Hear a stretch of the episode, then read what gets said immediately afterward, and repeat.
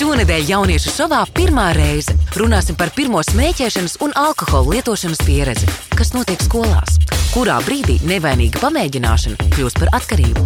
EHR studijā viesojas SPKC sabiedrības veselības analītiķis Una Mārtiņsone un Kate Vulāne, kā arī jaunieši Ēriks un Emīlija. Pirmo reizi skaties EHR YouTube kanālā vai EHR.FM sadaļā podkāsti. Raidījumu finansē Mēdīļu atbalsta fonds no Latvijas valsts budžeta līdzekļiem. Par raidījumu pirmā reize saturu atbild EHR.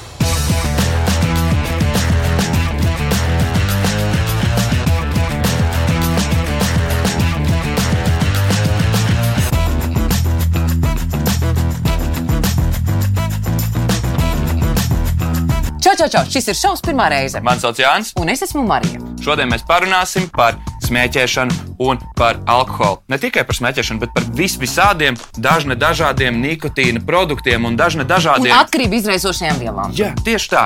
Bet šodien, kad mums pievienosies arī divi eksperti un jaunieši, mēs sapratīsim, gan kāda ir mūsu statistika, gan kāda ir realitāte. Aiziet, ķeramies klāt!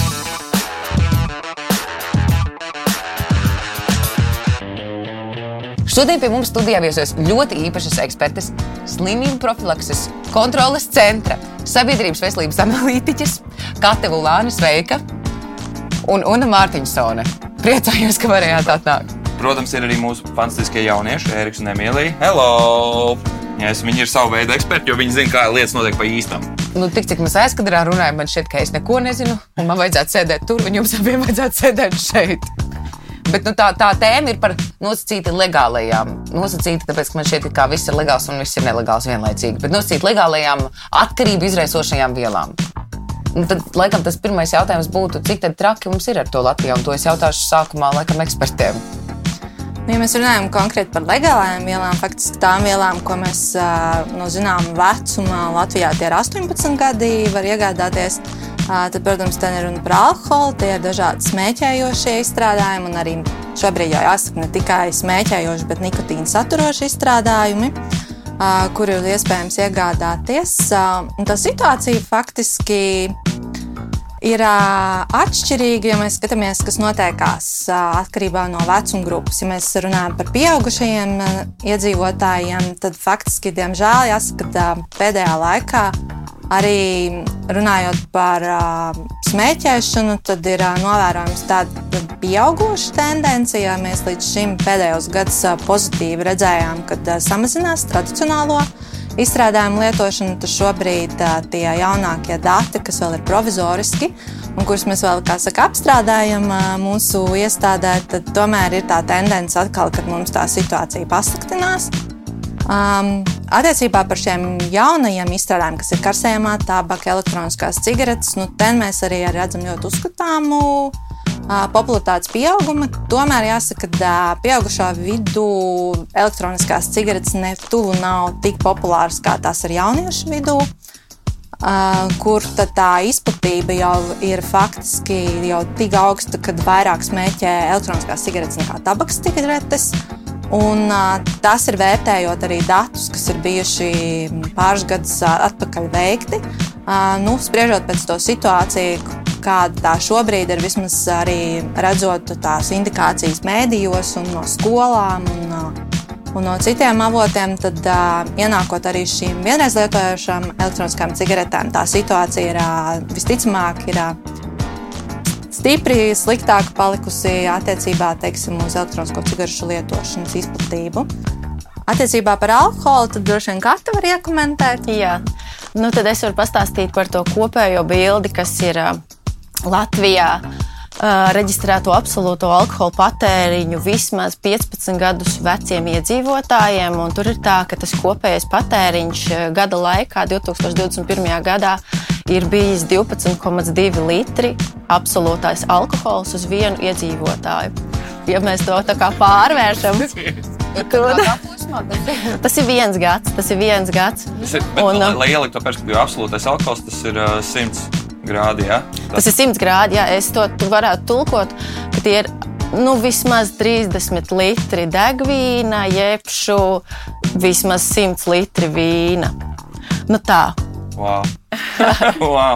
Es laikam iepalieku šajā statistikā. Nu, lūk. Tad kāds, kāds izdzer manu statistiku, jo es jau alkoholu kādu laiku nelietoju, tad kāds sanāk pa virsmu vēl manējo paņem?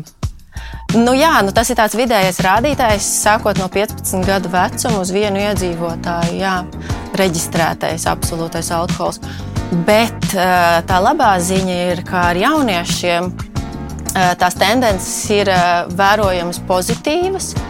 Um, nu, neskatoties uz to, ka 16 gadu vecumā aptuveni 90% Latvijas jaunieši ir pamēģinājuši alkoholu, um, tomēr uh, svarīgs ir tā, ļoti svarīga ir riskanta alkohola lietošana. Tas ir vienā alkohola lietošanas reizē izdzert vismaz 60 gramu absolūta alkohola vienā lietošanas epizodē.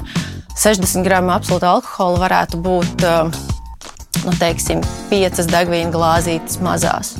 Eh, jo tas, eh, nu, tā riskanta alkohola lietošana veicina traumatismu, eh, intoksikāciju, saindēšanos, um, vārdarbību un tā tālāk. Tādu nu, neadekvātu rīcību, varbūt, ko jaunietis nedarītu, ja, ja viņš būtu skaidrā. Un tur tā tendence ir tāda, ka kopš 2007. gada kad aptuveni 59% pēdējā mēneša laikā 16-gadīgiem jauniešiem ir bijusi šāda riskantas eh, alkohola lietošanas epizode pieredzēta, tad tomēr pēdējā laikā tā tendence ir, ka nu, šobrīd tie ir 36%. Eh, varbūt kopēji uz Eiropas fona tas varbūt mums tomēr ir bišķiņi virs, virs tā Eiropas rādītāja, bet es teiktu, ka, ir nu, labāk. ka, ka, ir, ka, ka ir jauniešiem uh, ir diezgan. Bet man ir papildu jautājums tam. Jā. Vai viņi vienkārši atsakās no atkarību izraisošajām vielām, vai alkohols tiek aizstāts ar kaut ko citu? Jā, šis ļoti labs jautājums. Paldies. Es domāju, ka tās eh, atkarību izraisošās vielas viņas nekur nepazūd, viņas mainās, viņas varbūt papildinās, un tā uh, mainās tās tendences iespējams. Uh, es pieļauju, ka šobrīd jauniešiem ja ir jau nākamā paudze izaugusi, viņiem ir tik daudz iespējas. Es domāju, ne tikai skatoties uz atkarību izraisošajām vielām, bet uz, arī uz laika pavadīšanu. Vispār kā tādu man liekas, ka, eh, ka, nu, ka tas ir ļoti nozīmīgi, ka ir tik daudz iespējas realizēties jauniešiem. Um, jā, tas varētu būt viens tāds faktors, bet nu, bez šaubām ir tāds starptautiskais slimību klasifikators. Mēs tagad vadāmies pēc eh, desmitās versijas, bet uh, 11. versijā, kas būs uh, drīz arī tulkot latviešu, ir iekļauts arī uh, angļuiski tas ir hazardous gaming, jeb šo bīstama spēlēšana. Jā, datorspēļu vai nu online, nu tiešsaistē, uh, vai arī nu, katrs, ko pats spēlē. Tas ir arī tā kā, nu, tā kā slimība. Jā.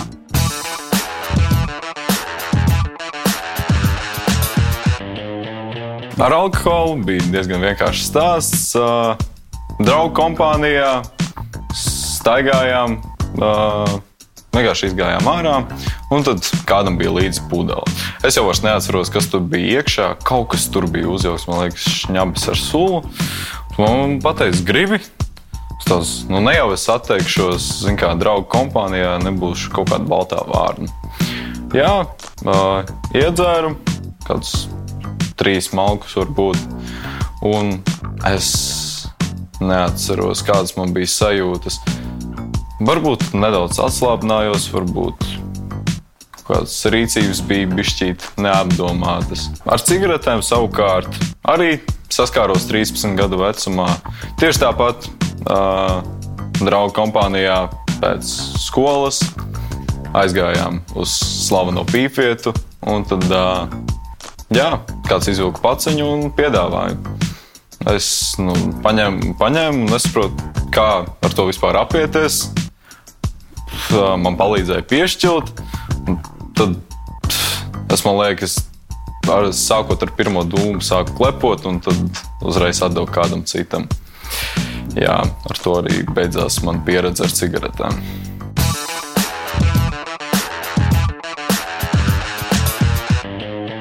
Kā šobrīd ir skolās, tas ir aktuāli, tas notiek. Nu, es teiktu, ka šī tiešām ir 21. gadsimta sērga jauniešu vidū. Nu, tā ka katrs piektais stabili kaut ko niktiņu saturošu lieto. vai tas ir kaut kāds sāls, vai tā ir vienkārši elektroniskā cigarete, vai cigaretes, vai snus, nu, jebkas. Un, jā, es domāju, lielā mērā tas ir izplatījies pateicoties skolai. Jo nu, viens klases biedrs atnes, un tad uzreiz bariņš saskrien, iedod pamēģināt, iedod pamēģināt, un tad arī tajā visā ievelkās. Un... Pajautāt, Erika, es Jā. esmu dzirdējusi, atkal baumas, tikai intrigas, nav faktoloģiski pamatojumi, ka ir tādi saltu dīleri. Mm, jā, ir. Viņi ir ļoti daudz internetā, arī skolā kādreiz pamanās tāds. Tas zināk, kāds vienkārši jums iepērka kādu pilngadīgu personu un iet uz skolām un pārdod. Nu, lielākoties tie pat nav salti, jo saltus diezgan vienkārši var dabūt nu, ar vienkārši kādu vecāku personu. Lielākoties tie ir kaut kādi arī vienreiz lietojamie. Vien, vienreiz lietojamās cigaretes, bet jau ar lielāku nikotīna daudzumu, kas nav atļauts Latvijā. Respektīvi, ja mums Latvijā viss līdz 20 mg nikotīna ir atļauts, tad tie ir 50, 80, es jau runāju par snus, kaut kādas 100. Es esmu dzirdējis, ka ir 150 mg. Un tas tiešām šausmas. Un tad kaut kāds, nezinu, 7. klases skolēns pamēģina tādu snusu un vienkārši nu, lai atstieptos.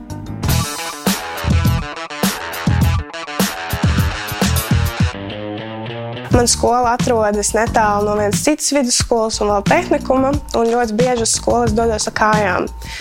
Un mēdzu saskarties ar jauniešiem, kur pat ir jaunāki nekā es, kur ir stingri mazāk nekā es, kuriem jau rokās ir salds un kuri visu laiku viņas pīpē.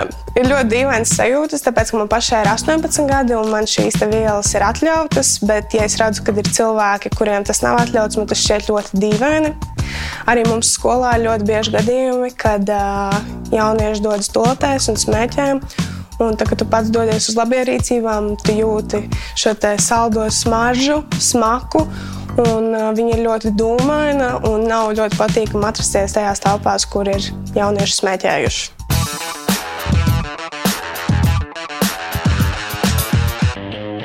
Es atceros, kad es mācījos skolā, tas bija nedaudz stilīgi pīpēt. Nu, katrā ziņā tas tev pievienoja kaut kādam sociālajam lokam, bet tas tā joprojām ir. Vai tas ir viens no iemesliem, tavuprāt, kādēļ mēs tik daudz ar to aizraujamies skolā šobrīd? Nu jā, es uzskatu, ka noteikti tas nepadara cilvēku foršāku vai krūtāku. Man šķiet, tas ir vienkārši kaut kāds tas jaunības maksimāls, ka vajag pamēģināt visu. Kad jā, manam draugam ir, ka viņa draugam ir, ka man arī vajag pamēģināt. Un, manuprāt, Bet cik tās ir atkarība izraisošas vielas, tu pamēģini, un pēc kāda laika tev gribas vēl un vēl un vēl. Un es domāju, ka tas ir visticamāk tas iemesls, nevis kaut kāda pievienotā vērtība tev, kad tu smēķē.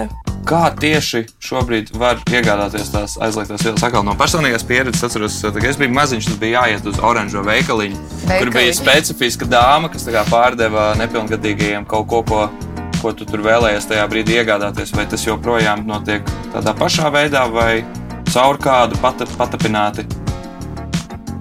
Kā, kā šobrīd? Jā, kā dabūt? Kā tiešām kā dabūt? Es teiktu, ka tagad veikalos nu, tam ļoti seko līdzi uh, nu, varas iestādes, iestādēm pu, no viņu puses.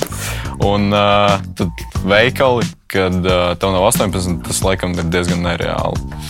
Uh, bet vienmēr ir kāds pilngadīgs paziņa, jeb vienkārši kā vecajos laikos at, pajautā kādam uz ielas. Jeb arī vēl viens variants, tie paši dealeri, kas ir daudzos sociālajos tīklos, arī tajā pašā telegramā. Ļoti vienkārši satiecies un dabūt to, ko tev vajag. Manuprāt, visbiežāk ir tā, kad paprasti kādam draugam, kurš ir pilngadīgs. Ja es zinu, ka man palika 18, man uzreiz sāka rakstīt klausies, varētu nopirkt un tā un šitā. Un kā tu par to jūties? Es jūtos izmantota tādā ziņā, ka uh, iepriekš īsti nerakstu, un tagad pēkšņi 18, tad atrodu pielietojumu, bet es arī īsti neatbildēju uz tām ziņām, noignorēju. Bet nu, tad, tad no smēķēšanas viedokļa, ne no nikotīna saturošo vielu viedokļa, ir uh, snus. Tas ir spēlniņš, ko liek. To es esmu pat arī mēģinājusi. Un es nevaru iedomāties, kā ir 150 mg, jo pie tām, kas ir jau tuvu pie 20 es raudu. Tāpēc es nesaprotu, kā, jo tur tiešām var cilvēks, ceļš, kuram nav tādas smēķēšanas pieredzes, tur var aiziet. Ir salds, ir aikos, ir cigaretes. veips. Kas vēl mums ir? Kas, kas, kas ir, ir kaut kas, ko jūs, ko jūs esat piefiksējuši, ko vēl lietot? Mm. Nu, tas laikam būtu viss, no, nu, vismaz tas, kas ir jauniešu vidū izplatīts no nikotīna. Nu, tad kā ir ar to alkoholu? Vai tas ir vēl populāri? Nu, ja kaut, kos, kaut kādos tusiņos, jā, diezgan regulāri tas tiek lietots. Nu, jauniešiem tā ir tāda neatņemama tusiņa daļa. Ja nav, tus, ja nav alkohols, tad nav tusiņš.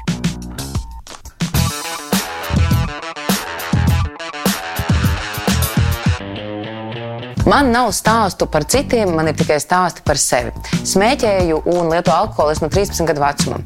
Uh, es domāju, ka visticamāk, ka es te, kaut gan man ļoti patīk smēķēt, bet es domāju, ka visticamāk, ka es cigaretes nesmēķētu šobrīd, ja nebūtu bijis tā situācija, ka visu laiku kāds man pirka cigaretes uz ielas, ja tu pajautā, tev deva, vai arī tu iegāji kādos veiklos, un tur tu varēji nopirkt pa vienai vai pa divām cigaretēm, pat ja tev nesanāca paciņa. Un, uh, līdz ar to es domāju, ka ļoti daudz arī atbildība ir jāuzņem tiem apkārtējiem pieaugušiem, kas bija, kas bija man nepazīstami un kas to visu redzēja, pieļāva un pat kaut kādā ziņā atbalstīja. Bet ar to visu ātrā dzeršanu tas sākās un beidzās tā, ka Es vairs nelietoju alkoholu. Nu, jau es nedzeru tā, ka pilnīgi nepilas sešus gadus, bet tā sākot no posma 17 gadu vecuma līdz kaut kādiem 25, tas bija gadu kaut ko padarīju, divus gadus vispār nē, tad kaut ko padarīju, kaut ko nē. Nu, no visām narkotikām man liekas, ka alkohols ir vislielākā inde. Nelietojiet alkoholu.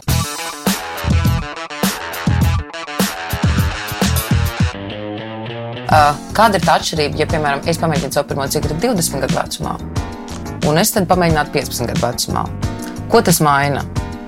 Tas patiesībā da, maina diezgan daudz. Tur, protams, nodalīt kādas starpības starp 15 un 20 precīzi neviens nevarēs.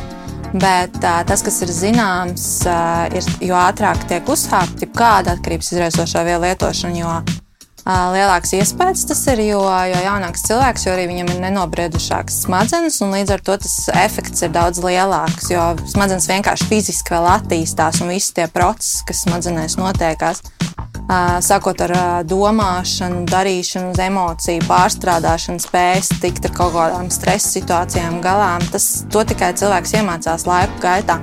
Ja tur pa vidu nāk klāt kaut kāda viela, kas faktiski izmaina visu to normālo darbību, tas atstāja diezgan nopietnas nu, ietekmi. Un, tāpēc arī, ja mēs runājam no tāda profilaktiskā viedokļa, kāpēc parasti runā par to, ka mēs strādājam tieši uz jauniešiem, kā grupu, ko mēs vēlamies, lai atturās no šīm vielām, tad tas ir tieši darīts ar mērķi, lai pilnībā viņus atturētu vai vismaz paildzinātu un attālinātu to vecumu posmu, kad viņi pirmo reizi pamēģina un kad viņi uzsāk tādu regulāru lietošanu. Jo, jo vēlāk tas notiekās, jo mazāks ir arī risks, ka tā atkarība iestāsies. Un, um, tāpēc uh, ir būtiski, kāds ir vecums. Un Latvijā jāsaka, ka tas vecums ir diezgan ātrs.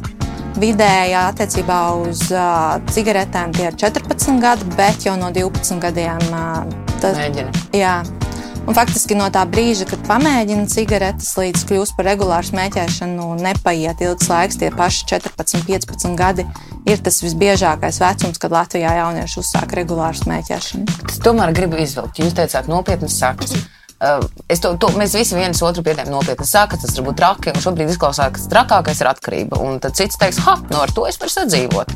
Bet, jo mēs bieži neredzam uz ielas cilvēkus, kas tāpat kā cigaretes pats ir tās izpūšās mutes vai vēdera pazaudētie. Nu, mēs tādus cilvēkus neredzam un nepazīstam. Tāpēc es gribu teikt, tieši specifiski, ko tas fiziski nodara. Lai tagad, ja kāds tagad skatās, viņš ir pamēģinājis to cigareti, domā, mm, vai es tā gribu visu dzīvi, vai nē, un viņš noskatīsies šo raidījumu, viņam tāds, ah, nē, es metu to cigareti nost. Nu šeit ir tas um, viens no tiem punktiem, kāpēc arī vien bieži, vien, bieži vien ir grūti pārliecināt arī jauniešu izvēlēties, tomēr nelietot vielas, ir, kad uh, ir šis uh, īstermiņā dzīves skatījums, nu, kas man ir aktuāli šobrīd, kas man pēc gada būs aktuāli, un cilvēki bieži vien nedomā, uh, kas notiksies pēc 10, 20, kur nu vēl ilgāk gadiem. Un, tad, tad jāsaka, protams, ir, ka tā viena no lieka, uzskatāmākajām problēmām arī ir tā, ka, ja mēs runājam atšķirībā no infekcijas slimībām, kur tas efekts ir uzreiz un tūlīt, mums ir temperatūra vai mums ir plaušas karsunis, tad uz šīm atkarības izraisošām vielām, īpaši uz legālajām, tas ir ļoti izteikti, ka īstermiņā tas efekts nu, nav tik uzskatāms. Protams, mēs uzreiz Nikotīns faktiski uzņemās, tiek absorbēts pāris sekundžu laikā, un uzreiz jau ir izmaiņas, ko var arī nepa, nu, nepamanīt. Tas nozīmē, ka sašaurinās asinsvadi, izmainās asinsrites sistēmas darbība.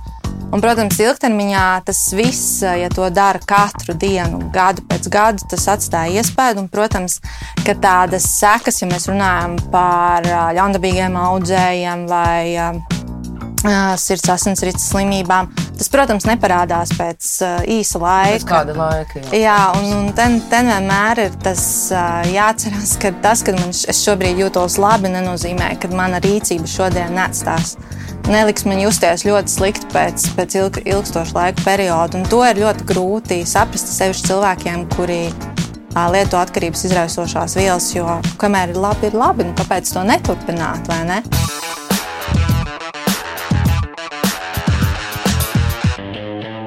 Bija tā, ka mēs brālēni dzīvojāmies pāri un brālēm tur bija vecā māma. Mums abiem bija nu, krietni zem 18. Un, uh, mums radās fantastiska doma uh, par to, ka mēs taču varētu aizbraukt.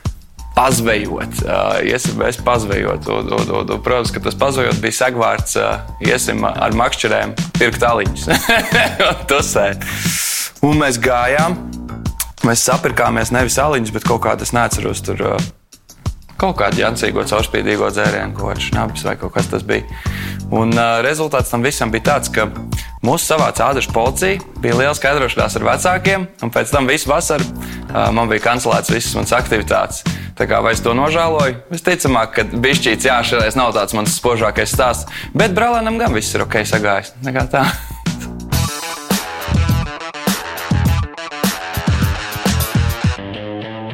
Kā pārējie apkārtējie nu, autoritātes, tātad vecāki, skolotāji, apkārtēji vecāki cilvēki uh, reaģē uz uh, šīm nezinu, legālajām narkotikām vai vielām, vai kā, kā to varētu saukt. Vai tur ir kaut kādi bargi sodi, kas par to draud, vai tas ir nedaudz normalizēts. Uh, kā šobrīd par to attiecas gan skolā, gan ārpus skolas? Man šķiet, jebkurš vecāks cilvēks par to attiecas negatīvi, jo viņi labi apzinās, ka tas bojā jebkuru jauniešu veselību. Skolās par to tiek runāts, brīdināts par sakām, bet par sodiem kāda būtu. Es nemācīšu pateikt, tāpēc, ka es neesmu saskārusies. Bet, uh, jā, nu es domāju, ka jebkurš vecāks, kurš pieķer savu bērnu smēķējot vai lietojot kādu nikotīna sastāvā vielu, es domāju, ka viņi noteikti negatīvi pret to attiecas. Un arī, bet ir dzirdēts arī par vecākiem, kuri neko nesaka, kur ir aizrādījuši, bet vienkārši ir pieņēmuši to faktu, jo viņi saprot to, ka, ja viņi aizliegs, viņš tāpat tās to turpinās darīt. Tas interesē, skolās, ko tieši jums saka, jo tas nav kaut kā līdzīgi tāpat kā ar seksu, ka Latvijā mums seksa nav un skolā tev labi reizi trīs gados kaut ko pateiks. Tāpat arī par to smēķēšanu tikai atnāk un pasaka, ka viss slikti, slikti, slikti, bet pēc būtības neskaidrot tieši to, kas var notikt. Nu, tā, arī. tā arī ir. Un līdz jā. ar to, protams, ir vienalga. Nu, jā. Atkal man ir iespēja vainot skolu sistēmu. Labi, es, es, joko, es visu laiku šitā jokojos. Bet... Ne, tas, tas ir tieši par to, ka man šķiet, vismaz man kā jaunietim, nu, tad, tajos tālajos laikos, kad nu, tas bija, kad es sāku smēķēt, tad viss, ko es zināju, ir, ka tas ir slikti. Bet slikti ļoti bieži nozīmē, ka vienkārši to pieaugušie dara, bet tu to nedrīkst darīt. Tad, à, tad, tad, tad tā atšķirība. Tu nevari saprast, ja tas ir slikti, kāpēc to pieaugušais dara mājās, bet tu to nevari darīt. Un tu ej tālāk, un tu to mierīgi turpini. Bet neviens īsti neizskaidro tās tiešās sakas, kas notiek. Nu, tad varbūt jautājums arī ir tālāk, ko stāsta par to skolās, jo jūs sakat to, par to runā. Jūs noteikti esat daļa no tiem, kas iet uz kaut ko stāsta. Ko tad mēs īsti stāstam jauniešiem par šo tēmu? Es nezinu. Nebija seko, Nē, nu tas, tas tiešām ir. Piemēram, vai tev skolā kāds ir nācis un stāstījis mm. vairāk kaut ko par smēķēšanu tieši Man vai par alkoholu? Nē, vispār pir, pēdējā reize bija kaut kāds trīs gadus atpakaļ. Nu, noteikti pirms vispār Covid. Trīs gadus atpakaļ. Jā, un tagad man likās dīvaini, ka tagad nu, vēlas kā, aizliegt tos visus uh, nikotīnu saturošos produktus, ka, kam ir garšiņas. Kad tajā, un galvenais iemesls bija Nu, es dzirdēju tādu versiju, ka tāpēc, ka ļoti, tās ir ļoti populāras jauniešu vidū. Bet tajā pašā laikā skolā es neesmu dzirdējis par tām lekcijām, ka tu reāli pastāsti, kāpēc tas ir slikti. Nu, reāli kaut kādiem piemēram, kaut ko vēl.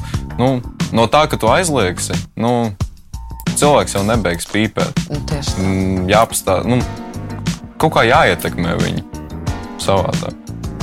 Nu, tas, ko es varu iekomentēt attiecībā uz situāciju skolās, mēs arī veicām pētījumu salīdzinoši nesen, lai identificētu, kāda ir skolu rīcība tieši atkarību profilakses ziņā. Un, uh, to, ko mēs arī redzējām, ir arī uh, tas, ko tikko dalījās viedoklī par to, ka skolā, skolās lielākoties nav tādas konsekventas rīcības, kā runāt par šiem jautājumiem. Lielākā skolu daļa tomēr uh, veic tādas ļoti neregulāras aktivitātes, vai tās ir atsevišķas lekcijas, kur tiek pieaicināti speciālisti runāt par konkrēto tēmu, vai tās ir kaut kādas projekta nedēļas. Nu, to, ko mēs redzam, faktiski, ka nav tāds konsekvents un darbs ar šiem jautājumiem, kas būtu katru gadu. Bet tas, ko mēs zinām un uz ko mēs arī šobrīd arī esam sākuši strādāt, ir, kad ir tomēr mācību saturā jāintegrē diezgan tādā nopietnākā līmenī, ja tā varētu teikt, nu, lekcijas, interaktīvas lekcijas. Un faktiski šeit nav runa par vienu lekciju, kuru aiziet skolotājs vai piesaistīts speciālists, kas izstāsta, jo tās faktiski ļoti maz ietekmē jauniešu rīcību. Tas, tas, tas, tas faktiski, ja varētu teikt, tā neko nedod. Ir jāstrādā konsekventi un ne tikai uz tām zināšanām, bet arī uz attieksmes veidošanu, uz personības veidošanu, lai faktiski tajā brīdī, kad nonāk, nonāk jaunietis saskarsmē ar atkarības izraisošām vielām, viņš pasakā, nē, man tas neinteresē, man tas nav vajadzīgs.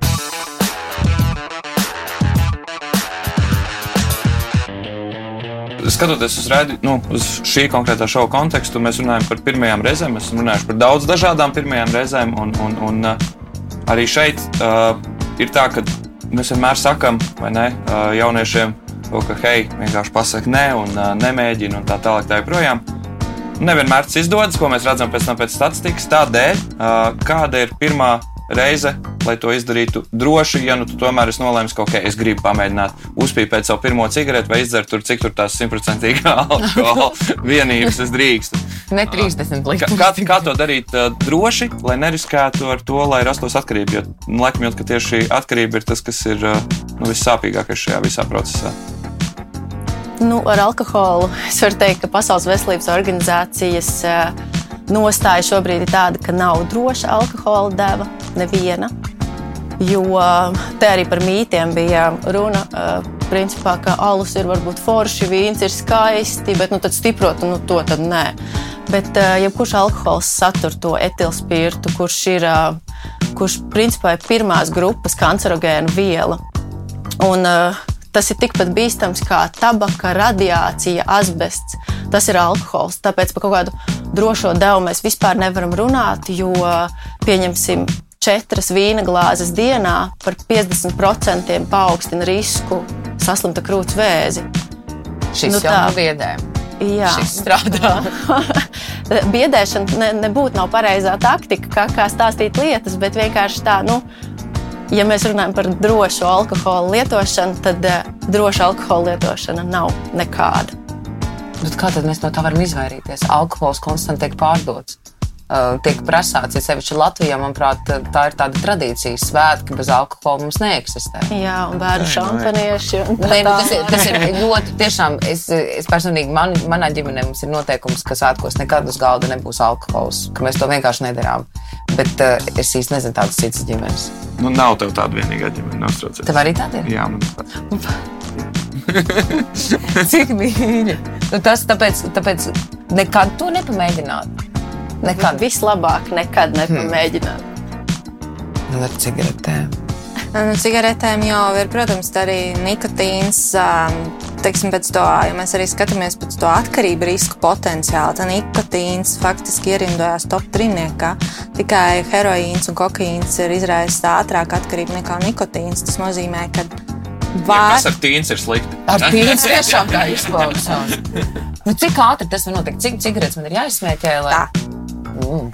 Tas ir ļoti individuāli, un tur nekad nebūs tāda viena formula piemērojama visiem cilvēkiem. Katrs cilvēks ir ļoti individuāls, un Mēs arī nezinām, kāda mūsu ir kā saka, ģenētiskā uzbūve, jo arī tas mūsu ģenētiskā iedzimtība ietekmē.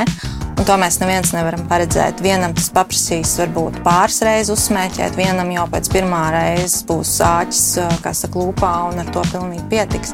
Tāpēc paļauties uz kaut kādu drošu pieredzi, tāpēc, ka es gribu pamēģināt, to noteikti nevajadzētu.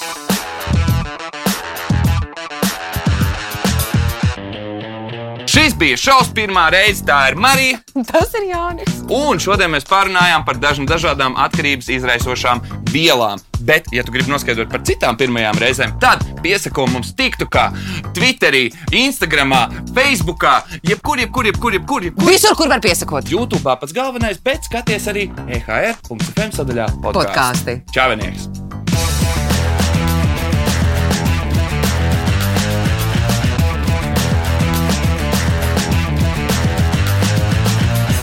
Šonadēļ jauniešu šovā pirmā reize. Runāsim par pirmo smēķēšanas un alkohola lietošanas pieredzi, kas notiek skolās, kurā brīdī nevainīga pamēģināšana kļūst par atkarību. EHR studijā viesojas SPKC sabiedrības veselības analītiķis Una Mārtiņsone un Kate Vulāne, kā arī jaunieši Ēriks un Emīlija. Pirmo reizi skaties EHR YouTube kanālā vai EHR.FM sadaļā podkāsti. Raidījumu finansē Mēdīļu atbalsta fonds no Latvijas valsts budžeta līdzekļiem. Par raidījumu pirmā reize saturu atbild EHR.